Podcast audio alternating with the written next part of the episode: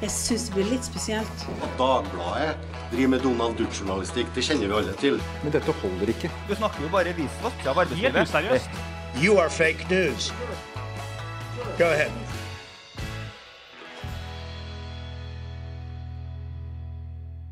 «78 mennesker antas feilaktig dømt i trygdeskandalen som i dag skal opp i Stortingets kontroll- og konstitusjonskomité.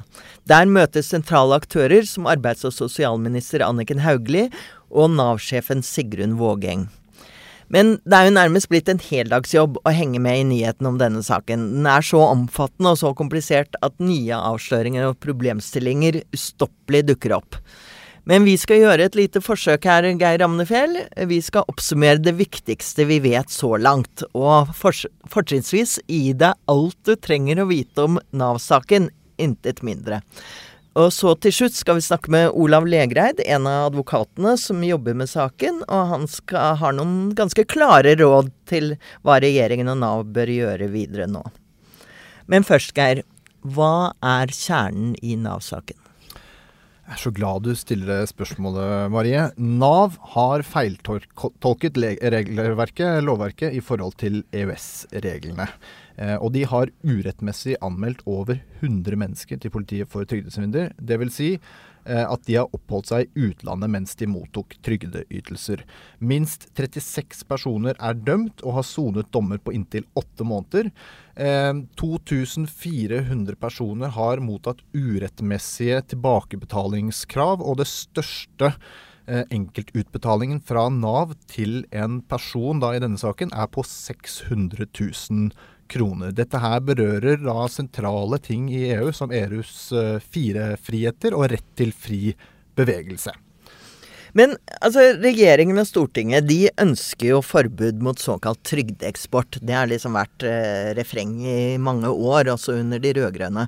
Hvorfor må vi rette oss etter EØS-reglene når de er i strid med folketrygdloven? Grunnen til det er at EØS de eh, EØS-reglene de trumfer norsk lov. Det går helt tilbake til, da vi inngikk EØS-avtalen i 1994. Sånn må det være. Ellers så vil man ikke få et felleseuropeisk system til å fungere. Så siden 1994 har vi visst om dette her. Eh, hvorfor har politikerne, eller dvs. Si lovgiveren, da, ikke rettet seg etter det? Alle kjenner jo til disse fire frihetene som er grunnpilarene i EU. Ja, denne saken den viser vel det, da. At både politikere og jurister og rettsvesen og vi i pressen kan for lite om EØS-reglene. Vi er ikke helt aleine om det. Eh, Tyskland og andre land også har de, eh, har de, hatt ulike tolkninger av disse samme reglene. Så det kan hende at det ikke bare er Norge som har rotet. Det er ikke bare vi som er helt gale. Men de har faktisk også eh, vært eh, uklart hvordan dette her skal forvaltes i andre land også. Men måten Nav har praktisert på, altså måten rettsvesenet og påtalemyndigheten har behandlet det på, har altså vist seg å være feil. Hva er hovedregelen nå?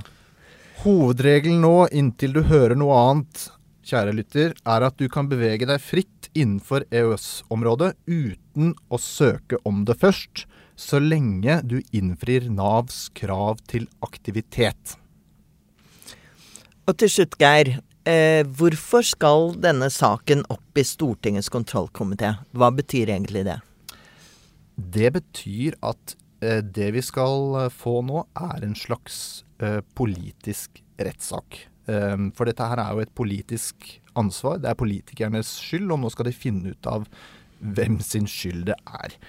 Eh, det er ikke vanlig at saker kommer opp i kontrollkomiteen. Dette er på en måte Stortingets ekstraordinære organ, eller et særorgan nærmest, for å holde regjeringen i øret. Og alvoret i saken den eh, illustreres ved at det er toppene som innkalles. Det er, eh, det er Erna Solberg, selv om hun har sagt at hun ikke har så mye å bidra med.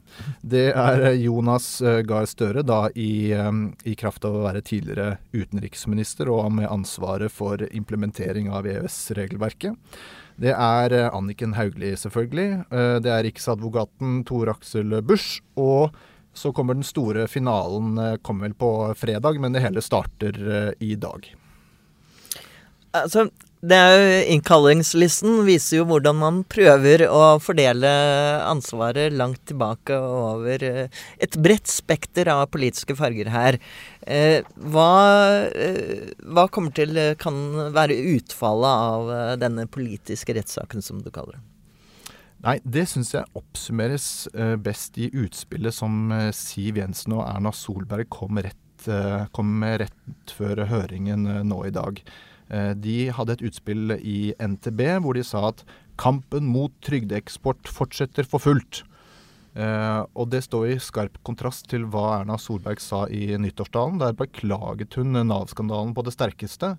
Men før denne saken er avklart, og før ansvaret er avklart og fordelt, så er det på med hjernehanskene igjen. Og det viser jo dette. Dette her har vært et politisk press fra veldig mange parter gjennom flere år om å hindre såkalt uh, trygdeeksport.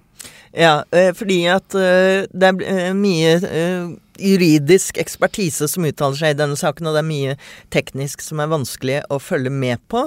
Men hvis man ser på det overordnede, så har det jo vært et vedvarende politisk press om at man skal eh, kontrollere trygdete, man skal eh, kutte kutte i trygdeytelser. Det er stadig forslag til nedskjæringer på dette eh, feltet. Og Nav, som i utgangspunktet ble opprettet for å trygde de som et slags sikkerhetsnett hvor man skulle slippe å stå med lua i hånden, er blitt mer og mer et kontrollorgan. Som, eh, mens de trygdete blir utsatt for, eh, for ganske sterk kontroll, og det har stor støtte i opinionen også. Vi i mediene må jo medgi at vi også kjøper denne retorikken eh, til dels, og skriver ledere, harmdirrende ledere om eh, trygdesvindel og misbruk av trygd osv. Som eh, jo bare har vært politikernes utsagn, og som i dette tilfellet da har vist seg å være fatalt feil. Mm. Resultatet her er jo litt vanskelig å vite, men prinsippet i denne saken her er at Stortinget bare kjenner statsråden. Det er et avgjørende prinsipp i norsk politikk og forvaltning. Eh, og det betyr at hvis feilen som er gjort i denne Nav-skandalen er stor nok og grunnleggende nok, og det kan sannsynliggjøres at statsråden kunne ha gjort, eller burde ha gjort mer for å rydde opp, så kan hun ligge an til å få sterk kritikk, i det minste. En daddel kalles det. Det kalles en daddel, ja.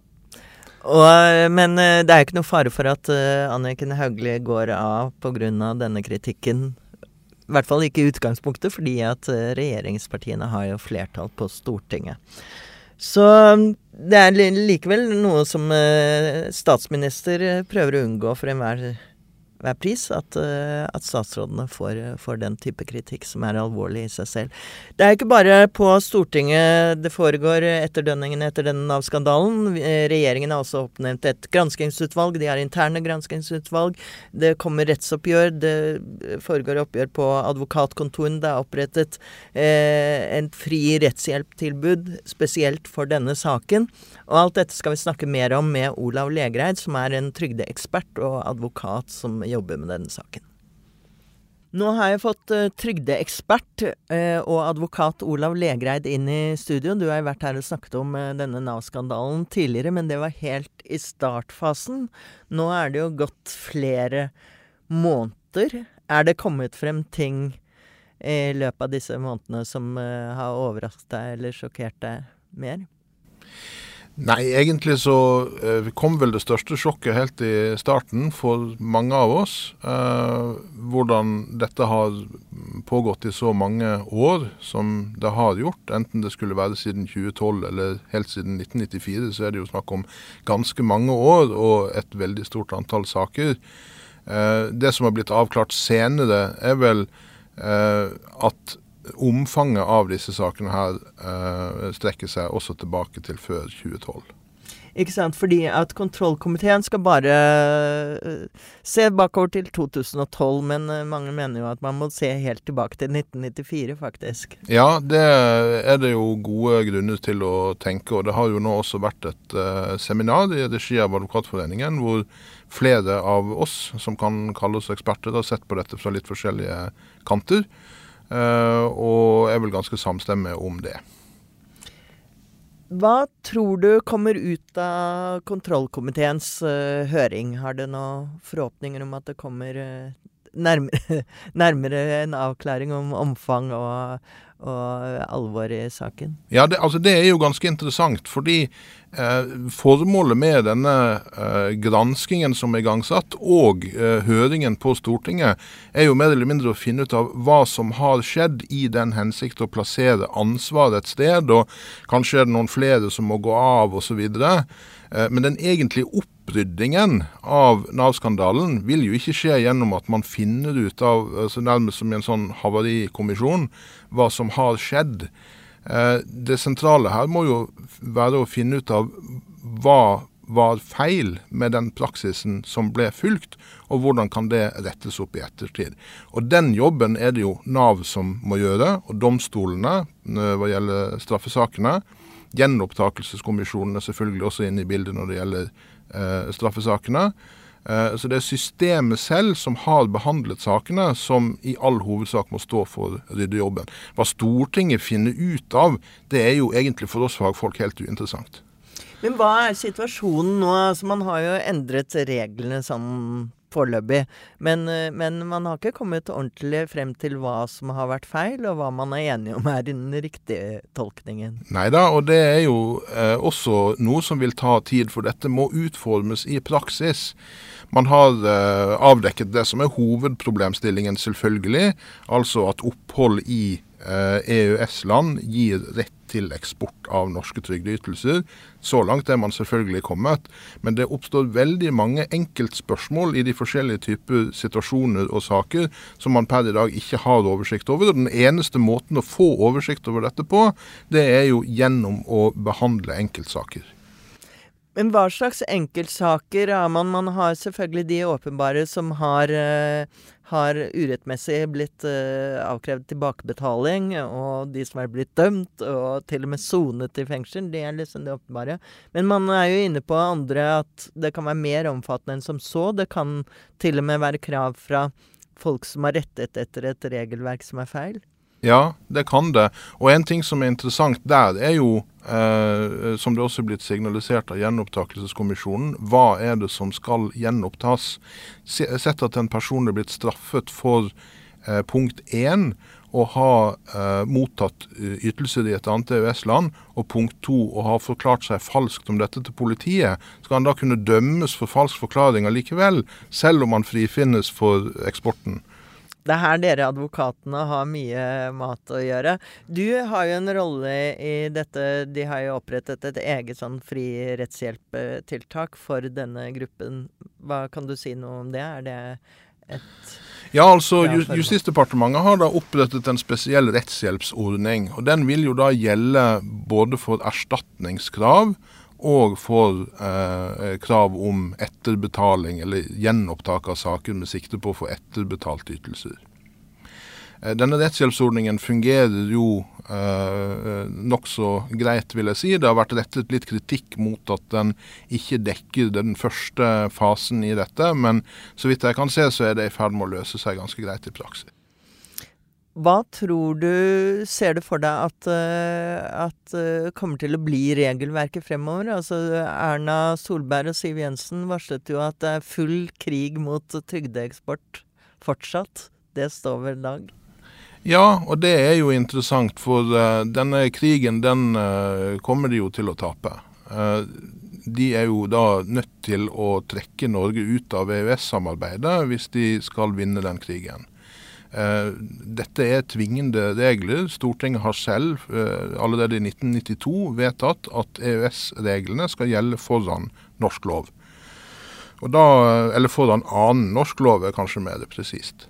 Så ja, dette eh, er jo ikke så enkelt som at de kan fortsette krigen mot trygdeeksport hva gjelder EØS. Trygdeeksport, trygdeeksport er tillatt. Uh, og, uh, og det er grunnpilaren liksom i EØS-samarbeidet? Ja visst er det det. Altså, det jo, altså, fri bevegelighet av arbeidskraft uh, har jo da bl.a. denne siden ved seg. Men de kan kanskje gjøre det på andre måter? Du som er liksom trygdeekspert, kan de, i hvilken grad kan aktivitetsplikten Altså de kan ordne med at du må møte, kanskje melde fra kan de gjøre, gjøre som få til en, et forbud eller en restriksjon av bakveien? Så EU-retten er jo full av eksempler på sånne forsøk fra uh, ulike medlemsland på å omgå uh, regler. Veldig ofte så har den type indirekte Eh, tiltak eh, vært sanksjonert av eh, EU-domstolen. Så jeg har ingen tro på det at man kan gå veldig langt, i hvert fall når det gjelder det. Aktivitetsplikt, ja vel, det må man selvfølgelig kunne opprettholde. Men det Nav selv har aktualisert i, i, skriv som jeg har sett nå relativt nylig, det er jo at uh, f.eks. et arbeidsrettet tiltak kan også gjennomføres i et annet EØS-land. Da følger man jo opp sine forpliktelser der. Hvordan ser du for deg at dette oppgjøret kommer til å skje? Altså, det er jo Det antyder liksom antall som er rammet, men det innrømmer man jo glatt at man langt fra har oversikten over. Det kan være langt flere enn det antallet som er eh, oppgitt nå. Eh, men det er ikke like klart at alle vil ha rett på tilbakebetaling og oppgjør, erstatning, eventuelt. Nei, det er jo ikke eh, på noen måte sikkert at alle vil ha det. Og eh, Det vil bero på flere forhold, bl.a. det som vi nå nettopp var inne på, aktivitetsplikten. Altså Hvis man har forbrutt seg mot aktivitetsplikten, så spiller det jo ingen rolle at man hadde rett til å eksportere ytelsen. Da vil det være grunnlag for å stanse den på, eller det ville vært et annet grunnlag for å stanse ytelsen. Hva syns du om regjeringens og Navs håndtering, kanskje først og fremst Nav du uttaler deg om, eh, håndtering av saken så langt? Har de gjort det som kunne være ventet av dem? Jeg vil ikke si det at de har gjort alt som kunne være ventet av dem, men det spørs jo hvilke erfaringer man har med Nav og hvilket forventningsnivå man har til etaten i utgangspunktet. Eh, Nav har satt inn noe Det er kanskje på et lavmål akkurat nå. Ja, altså, ja det kan hende. Men, men eh, jeg kan iallfall si at uh, Nav har satt inn et eget innsatsteam uh, som ber om å få henvendelser fra folk. Folk skal primært henvende seg via kontaktsenteret. Dersom man isteden uh, henvender seg til en advokat, så vil den advokaten ha en direkte kontakt inn mot innsatsteamet. Uh, og det er da forbeholdt advokater. Sånn at uh, den muligheten har man, melde fra. Og så blir jo spørsmålet har de satt av nok ressurser til å håndtere alle disse henvendelsene. Og så vidt jeg forsto så var det snakk om 50 personer som sitter og jobber med dette. Uh, og hvis de 50 personene skal behandle mange tusen saker, så vil det jo ta en god del år før alle sakene er ferdig behandlet. Men det beste som skjer nå, er altså det som skjer i form av avgjørelser og vedtak i Nav, og hvordan eh, retten og Trygderetten behandler disse sakene. Det er det som kommer til å sette presedens og en ny tolkning. Ja, og i all hovedsak så er det jo da Nav selv som må utforme dette. Hva gjelder sakene i Trygderetten, så kommer ikke Trygderetten til å gjenoppta noen av sine kjennelser på egen hånd. Det er det Nav som gjør. Det følger det vanlige systemet for gjenopptak av saker i Trygderetten. For der er det Nav klageinstans som skal behandle de gjenopptakssakene. Og Sannsynligvis så vil jo da Nav klageinstans treffe et nytt vedtak til gunst i de aller fleste tilfellene. Eh, basert på den nye eh, rettsoppfatningen. Men kan vi ha tillit til at Nav selv klarer å, å virkelig snu skuta, alt Det er det man ikke skal si. Men at man kan eh, eh, endre liksom hele holdningen til dette systemet når man har gjort så Når feil holdning har gjennomsyret hele systemet fra toppen og nedover. Ikke minst når ledelsen, gamle ledelsen blir sittende der. Ja, det kan godt stilles spørsmål ved, ved det. Uh, det har vært reist spørsmål, uh, ser jeg i, i uh, diverse medieoppslag, om habiliteten til de som skal rydde opp i dette. Men jeg tror igjen det er viktig å få fram at det er enkeltsakene som kommer til å utkrystallisere dette her. Får en mengde likeartede enkeltsaker, så vil de danne en praksis. Dette kommer til å fortsette å dominere nyhetsbildet i lang tid fremover. Og Olav Legreid, det kan nok godt eh, raskt hende at du blir innkalt til studio igjen. Og det er kjempefint at du stiller og, og redegjør for dette her. For det er kompliserte saker for oss legfolk, og for en del jurister også, som vi har skjønt. Mm. Takk for at du kom. Ja, takk for meg.